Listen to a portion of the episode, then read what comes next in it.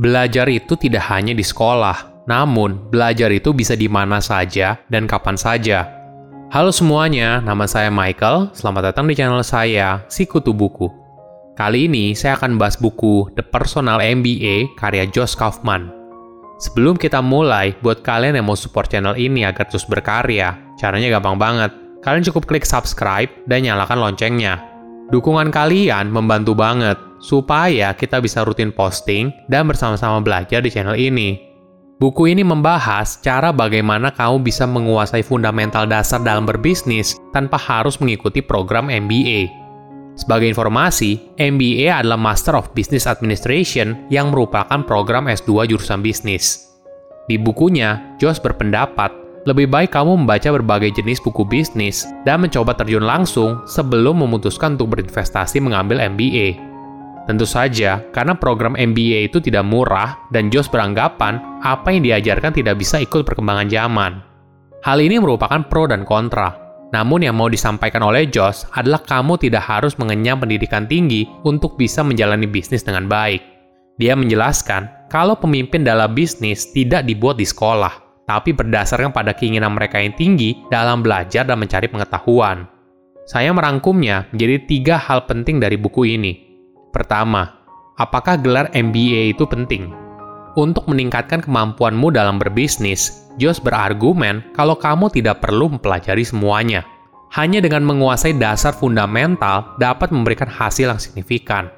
Banyak orang berusaha mendapatkan ilmu ini dengan mengambil kuliah program MBA, ada yang berpikir untuk mengembangkan bisnis ataupun untuk meningkatkan karir mereka sekarang. Namun, ada fakta yang menarik. Peneliti dari Stanford University dan Washington University tidak menemukan asosiasi antara karir jangka panjang yang sukses dan gelar MBA. Mereka menarik kesimpulan ini berdasarkan data 40 tahun dan melihat apakah orang tersebut lulus dengan nilai memuaskan atau cukup. Jadi, apa yang harus kamu lakukan? Jauh yang lebih penting adalah pengalaman berbisnis langsung dan rasa penasaran yang tinggi untuk terus belajar. Penting untuk dipahami, setiap bisnis yang sukses menciptakan atau memberikan sesuatu yang bernilai yang diinginkan atau dibutuhkan orang lain dengan harga yang bersedia mereka bayar dengan cara memenuhi kebutuhan dan harapan pembeli dan memberikan pendapatan yang cukup bagi bisnis agar bermanfaat bagi pemiliknya untuk melanjutkan usaha. Kamu bisa menuliskan nilai apa yang bisa kamu berikan kepada konsumen ke dalam sebuah website sekarang, kamu bisa bikin e-katalog bisnis kamu sendiri melalui aplikasi toko.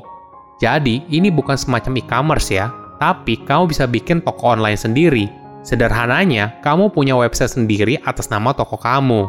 Selain itu, bedanya dengan e-commerce atau marketplace lain, toko dan produk kamu tidak dibandingkan dengan toko atau produk sejenis, sehingga harga yang kamu pasang bisa lebih kompetitif.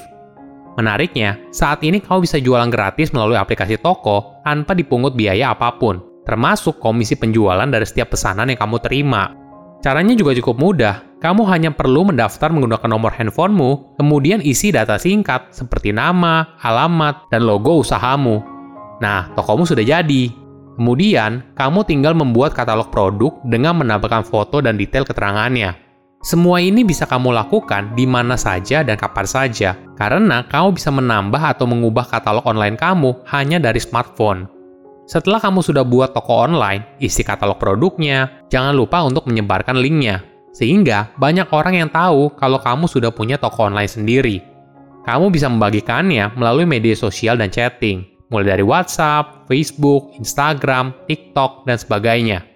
Nantinya, jika ada konsumen yang tertarik, mereka bisa langsung beli produk kamu via WhatsApp atau via website bisnis online kamu, tanpa perlu mendownload aplikasinya.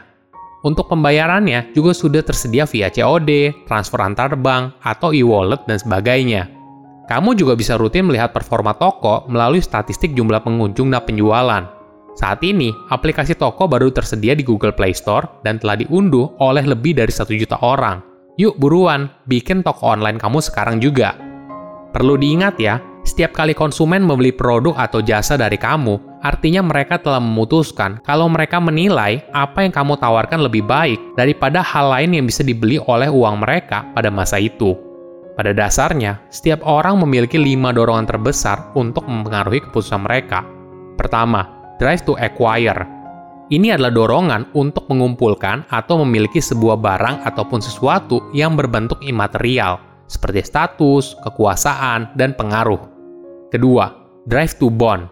Ini adalah dorongan untuk merasakan dicintai atau dihargai dengan membangun hubungan dengan orang lain, entah itu sifatnya pertemanan atau romantisme. Ketiga, drive to learn. Ini adalah dorongan untuk memenuhi rasa penasaran. Keempat, drive to defend. Ini adalah dorongan untuk melindungi dirimu sendiri, orang yang kamu cintai, atau hartamu. Kelima, drive to feel. Ini adalah dorongan untuk merasakan sensasi seperti perasaan emosional yang intens, kenikmatan, hiburan, dan sebagainya. Kamu perlu mengidentifikasikan di awal apakah produk atau jasa yang ditawarkan oleh perusahaan kamu mampu menjawab dorongan dasar setiap orang. Semakin banyak kombinasi yang kamu tawarkan, maka produk atau jasamu akan semakin menarik di mata konsumen. Kedua, tips memasarkan dan menjual produk. Produk dan layanan hanya bernilai jika ada orang yang menginginkannya. Namun, keinginan mereka tersebut hanya bisa muncul apabila mereka tahu produk tersebut telah tersedia. Itulah mengapa pemasaran sangat penting, apalagi di zaman sekarang. Setiap pemilik merek berusaha untuk mendapatkan perhatian konsumen di tengah persaingan yang ketat penting untuk peka terhadap kapan seseorang akan menerima informasi pemasaran tersebut, sehingga kamu dapat menarik perhatian mereka sebelum merek lain melakukannya. Misalnya, jika kamu menjual perlengkapan bayi, sebaiknya pasarkan selama periode menjelang atau segera setelah kelahiran, karena orang tua sangat terbuka pada masa itu. Jika kamu berhasil mendapatkannya, mereka akan mengingat merek kamu saat mereka memiliki lebih banyak waktu untuk berbelanja produk bayi. Ada hal lain yang penting, sebagai seorang tenaga pemasar, harus memiliki fokus yang tepat untuk produk mereka. Ini harus disesuaikan dengan preferensi konsumen. Umumnya, pelanggan lebih tertarik pada hasil suatu produk daripada fitur-fiturnya. Misalnya begini, lipstick dengan fitur yang tahan lama itu bagus, tetapi konsumen yang membelinya ternyata lebih peduli tentang seberapa menariknya perasaan mereka saat memakai lipstick itu daripada fitur tersebut. Setiap bisnis pada akhirnya harus bisa menjual apa yang mereka tawarkan. Memiliki jutaan prospek tidak ada artinya jika tidak ada konsumen yang bersedia mengeluarkan uang dari dompet mereka dan berkata, "Saya akan mengambil satu." Bisnis terbaik di dunia mendapatkan kepercayaan dari prospek mereka dan membantu mereka memahami mengapa tawaran itu layak dibayar. Tidak ada yang mau membuat keputusan yang buruk dan merasa dimanfaatkan. Jadi, sebagian besar penjualan terdiri dari bagaimana kamu bisa membantu prospek kamu dalam memahami apa yang penting dan meyakinkan mereka bahwa kamu benar-benar mampu memberikannya. Dalam setiap negosiasi, ada tiga mata uang universal yang dijelaskan oleh Josh. Pertama adalah sumber daya. Ini merupakan barang berwujud seperti uang, emas, dan minyak. Sumber daya ini bersifat fisik dan kamu bisa sentuh.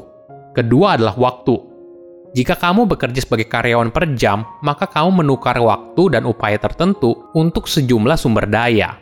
Ketiga adalah fleksibilitas. Hal ini cukup diremehkan, namun menjadi karyawan yang digaji bukan hanya pertukaran sumber daya secara langsung dengan kinerja, tapi kamu juga melepaskan fleksibilitas.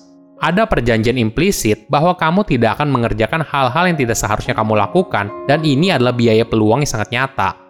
Ingatlah ketiga mata uang universal ini saat bernegosiasi dan kamu akan kagum dengan berbagai opsi potensial yang dapat kamu berikan kepada pihak lain. Ketiga, perhatikan keuangan perusahaan.